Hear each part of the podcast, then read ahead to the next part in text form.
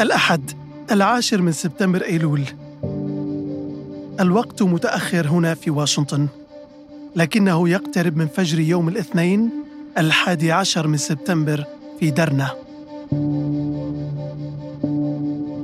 المدينة الساحلية الهادئة على البحر المتوسط في ليبيا التي يعيش فيها جزء من عائلتي وأقربائي.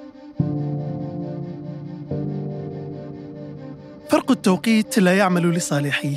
بيني وبين ليبيا ست ساعات. هم في المستقبل بما فيه من خبر يقين وأنا في الحاضر بما فيه من تساؤلات.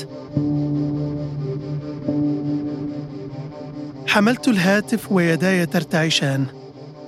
أنتظر أن يرد أخي هذه المرة. أفكار سيئة تراودني. المسافة بيني وبينهم أكثر من ثمانية آلاف وخمسمائة كيلومتر. وإحساس العجز والقلق أضعاف المسافة. نجح الاتصال. أخبرتني أختي أن العائلة بخير في ليبيا. لكن لا توجد أخبار عن أخي توفيق الموجود في درنا في تلك اللحظات. ولا عن أخوي اللذين يعيشان مع عائلتيهما في مدينة البيضاء. كل أكواب القهوة لم تساعدني على الاستيعاب أو التركيز.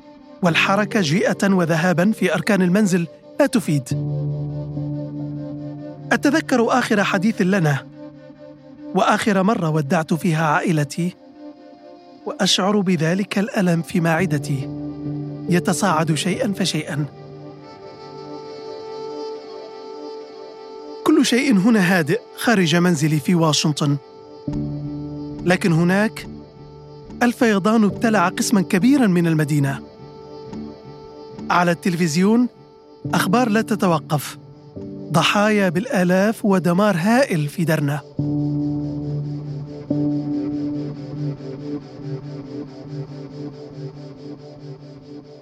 ومرة أخرى هاتف أخي لا يرن.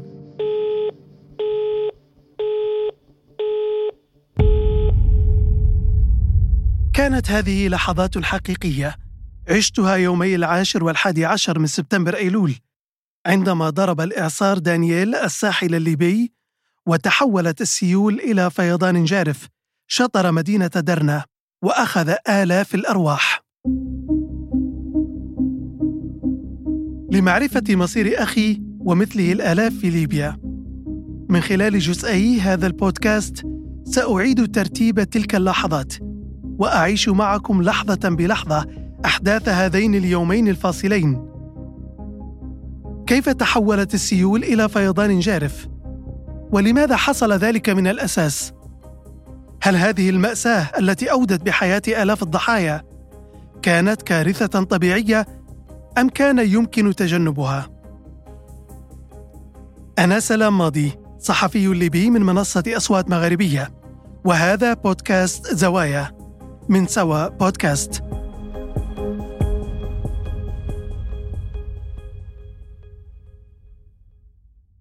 هناك أسطورة تنسج عن الصحفيين دائما. أننا كائنات بلا مشاعر. قد نفعل أي شيء مقابل قصة قوية تتجلى فيها ثمار عملنا. وهذه الأسطورة لها جوانب صحيحة. فالصحفيون يتفانون واحيانا يتفننون في تغطية الكوارث. لكننا في النهاية بشر. يصيبنا ما قد يصيب الآخرين. قبل أن تصبح ليبيا بلدي في مركز الأخبار في الساعات الأولى من صباح يوم العاشر من سبتمبر أيلول كانت هناك كارثة أخرى في بلد آخر يتابعها الزملاء في غرفة الأخبار بقناة الحرة. زلزال المغرب.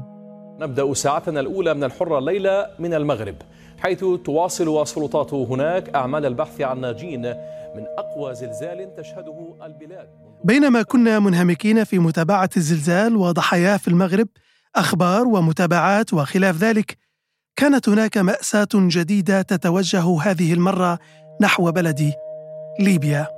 تتجه العاصفة دانيال بكامل قوتها نحو ليبيا وفقا لصور الأقمار الاصطناعية التي في الحقيقة لم أكن قلقا كثيرا في البداية ولم أتصل بأهلي هناك وذلك رغم ظهور التحذيرات وإعلان الحكومة هناك حالة الطوارئ.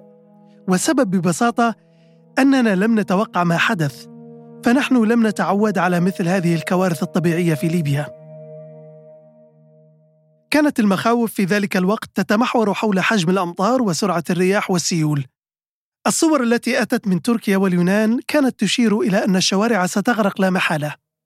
ولكن أليست هذه عادة الشوارع وقت المطر الشديد؟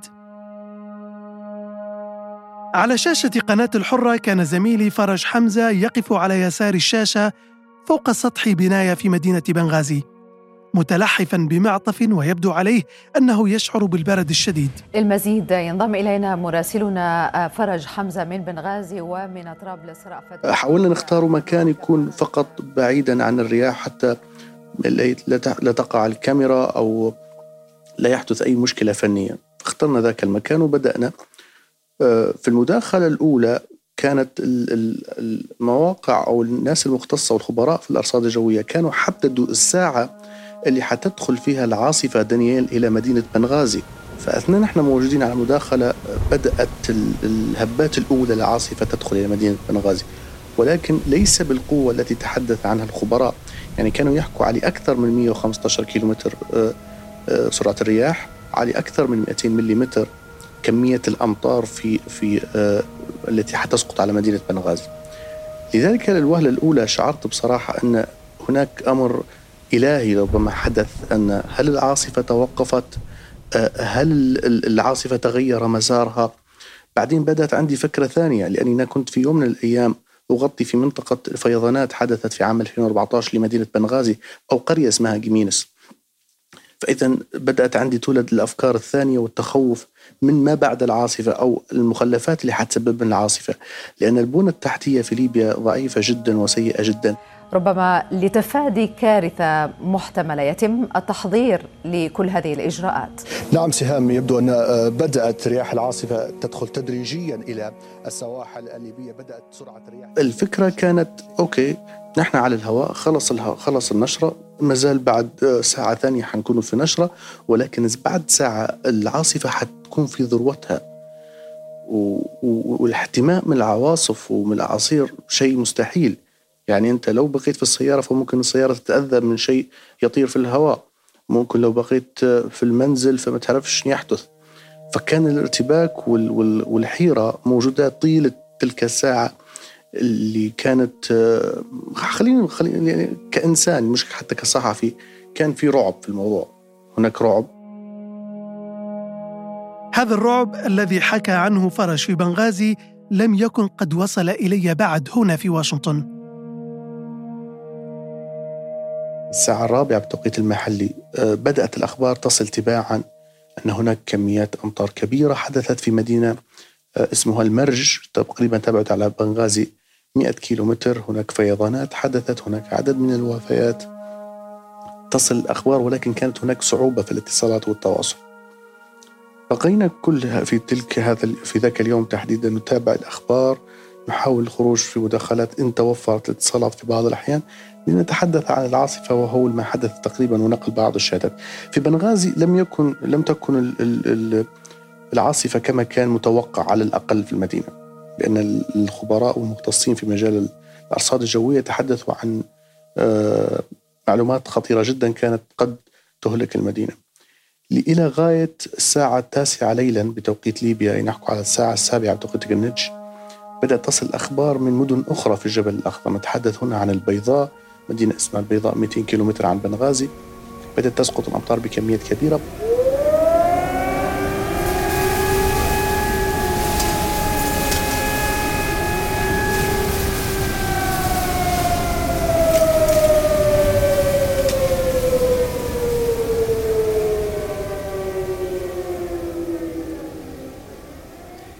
لا تحظى المدن الليبية عادة بنفس الشهرة التي تتمتع بها مدن أخرى في بلادنا العربية.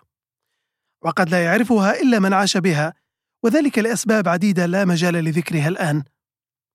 لذا حينما يسمع شخص ما من الشرق الأوسط عن مدينة اسمها البيضة أو منطقة الجبل الأخضر فربما لن يعرف مكانها على الخريطة في شرقي ليبيا. لكن بالنسبة لي كشخص ينحدر من إحدى قرى الجبل الأخضر في منتصف المسافة تماما بين مدينتي البيضة ودرنا فأنا أعرفها تماما.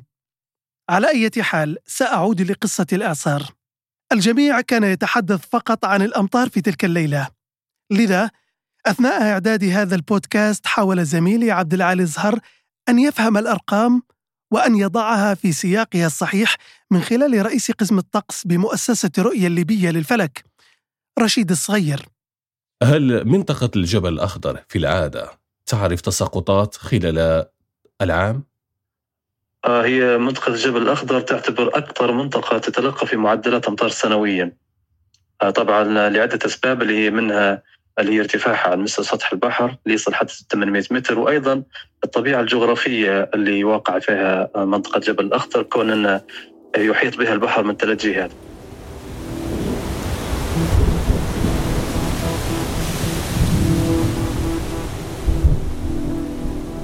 الأمطار كانت جزء من حياتنا وكانت أيضا جزء من ذكريات طفولتي لكن أمطار عاصفة دانييل أمر آخر. فما سقط في ليلة يعادل سنة بأكملها. بالنسبة لي آه، كميات الأمطار التي سقطت على منطقة الجبل الأخضر آه، في خلال 24 آه، ساعة والتي بلغت كمية بعضها إلى وتجاوزت 400 ملم هذه الكميات هي ما يعادل المعدل السنوي لمدن الجبل الأخضر يعني متوسط السنوي العام لمناطق الجبل الأخضر يتراوح آه، بحدود من 400 ل 600 ملم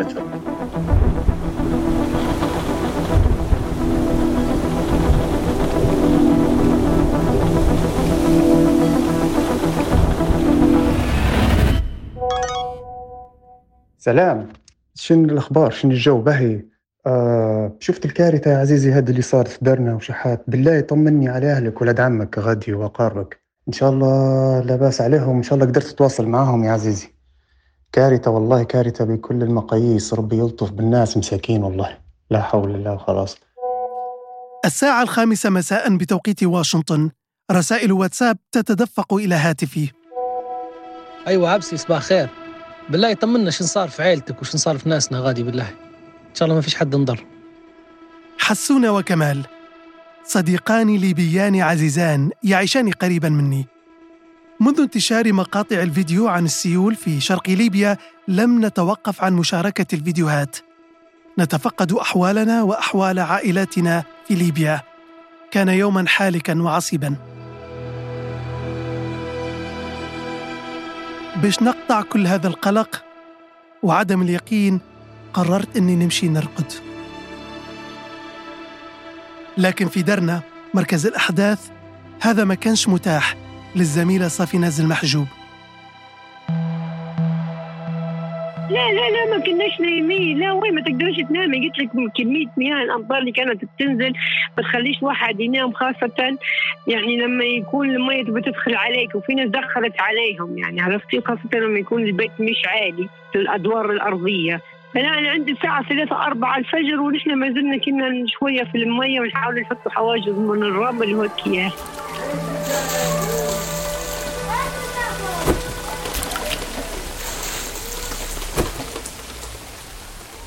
وفي بنغازي حتى زميلي فرج لم ينم فالعاصفة مستمرة والعمل أيضا. بعد تخطيط تقريبا ساعة أو بعد حديث حوالي ساعة كاملة مع الزملاء أوكي نحن نتحرك المدينة البيضاء. وهذا كانت الخطة الأولى ولكن هذا عكس ما حدث تماما. يعني نحن كنا قاصدين مدينة البيضاء 200 كيلومتر عن بنغازي. أه تحركت خذيت الطاقم الطاقم اللي مصاحب وهو مصور بس بمعدات. خرجنا بالسيارة وبدأنا في التحرك. تقع البيضاء شرقية بنغازي وهي في منتصف المسافة تماما بين درنا وبنغازي. 200 كيلومتر في ساعتين حتصل المدينة يعني. اكتشفنا بعد ساعة أن الطريق الرابط بين مدينة بنغازي والبيضة مقطوع جرف بالوادي وصلنا إلى هوة الانجراف. وجدنا الناس كلها واقفة تتفرج. يا ناس يا جماعة شنو في شنو اللي صار؟ قالوا بس إن الوادي انهد أو بعض الوديان يعني لأنها مدن جبلية. كمية الأمطار والسيارات المتهالكة نتيجة هذه المياه غير متوقعة لم تكن في الأذهان. هل في طريق ثاني ممكن ندخل؟ كنا نسأل في الناس هل في طريق ثاني ممكن ندخل منه فقالوا فقط لو أنت آه، ترجلت يعني مشيت على القدمين. فيما بعد أحد أصحاب المزارع يعني مدن زراعية فقال لي لا في طريق زراعية قديمة جدا متهالكة يمكن أن تسلكها تحاول آه، تعطيك للضفة الثانية. فوصف الطريق بدينا في التحرك باتجاه الطريق الثانية بالفعل هذه الطريق عبرت بنا إلى الضفة الثانية. بعد تقريبا نصف ساعة ثانية لقينا الطريق الثاني مقطوع في انجراف في منطقة تسمى آه، البياضة. مستحيل تعبر سيارة من هذه الطريق. وبدأت نشوفه في مشاهد مرعبة. أفلام في هوليود بس فقط تشاهد أن السيارات مغمورة بالمياه هناك منازل هدمت. فالصورة غريبة والاتصالات انقطعت. كل الأمور كانت تسير في هذه الليلة نحو أن المشكلة كلها تبدو طبيعية. أمطار غزيرة وسيول لا شيء يختلف عن الصور التي جاءتنا من اليونان وتركيا. لكن كلمة السر في ليبيا كانت السد.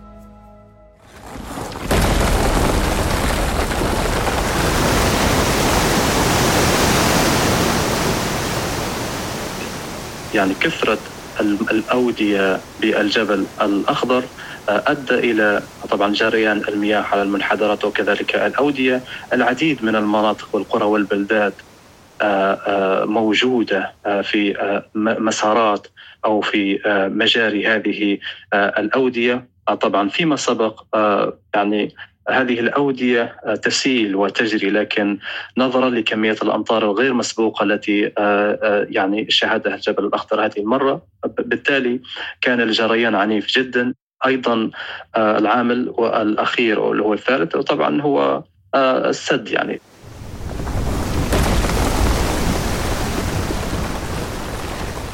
يعني انهدام السد أو انهيار السد في آه، وادي درنا كان هو يعني القشة التي قسمت ظهر البعير آه، يتراكم حوالي آه، أكثر من 20 مليون آه، متر مكعب من المياه في بحيرة سد وادي درنا بالتالي انهيار السد مع غزارة الأمطار أدى إلى جريان عنيف لمجرى الوادي. نحن سمعنا صوت سمعنا بحاجة هيك تحس بها يعني قالت بو كذا حاجة هيك تحس بها. أي واحد صاحب يدرنا أكيد يسمعها الصوت هذا يعني. إحنا في درنا لكن في منطقة في الطرف يعني هذا في الجناح بتاع المدينة برضو. وكنا برضو قاعدين نشيلوا في مية المي... الأمطار اللي كانت بتدخل علينا بكمية كبيرة لدرجة إن ما عادش سيطرنا عليها.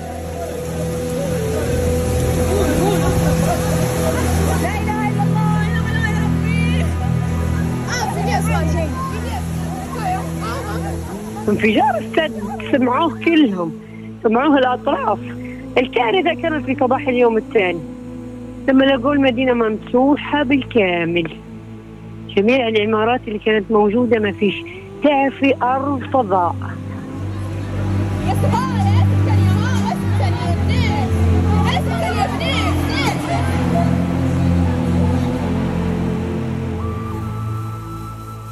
ما شفتهاش تحكي لي بنتي طبعا. بنتي تسكن قريب من السد. لما خش على الوادي علقها ركبها فوق دليب ثم تمسكها في دليب اولا عندي قرابة مع 10 عائلة 15 عائلة دي الله يرحمها. هذه البحر شالها كلهم لقيناهم في البحر. أصبحنا لقينا الناس دي الوادي كلها في البحر. رحم على أرواح. نسأل الله أن نحتسبهم الشهداء بإذن الله. ونسال الله يتقبلهم. وهذه فاجعة من رب سبحانه وتعالى الاعتراض على حكمه. أهلنا وخوتنا وأعداد وأرقام هائلة. ما إن لله وإنا إليه راجعون.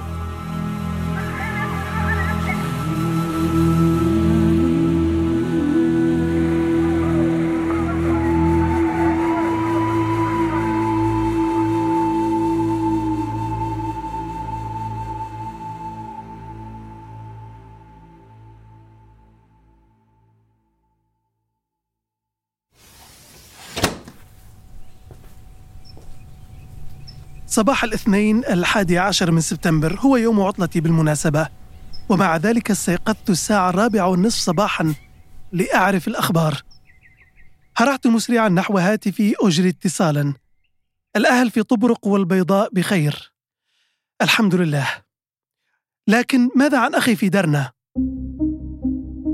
وكيف انهار السد؟ ولماذا؟ وما هو حجم الكارثة فعلا؟ كل هذا أستكمله معكم في الجزء الثاني. كان هذا بودكاست خاص من جزئين لزوايا بودكاست. من كتابة عبد العالي الزهر ومحمد فاروق عبد الرحمن. إعداد منير فداغر وعبد العالي الزهر وسلام ماضي. مراسلنا في درنا فرج حمزة. شكر خاص إلى محمد ناجي ومسعود بن ربيع. هندسة صوتية أحمد الضامن وبشار عزاوي. إشراف سوا بودكاست. محمد فاروق عبد الرحمن. وأنا سلام ماضي. إذا أعجبكم ما نقدمه الرجاء تقييم الحلقات على منصات الاستماع للبودكاست.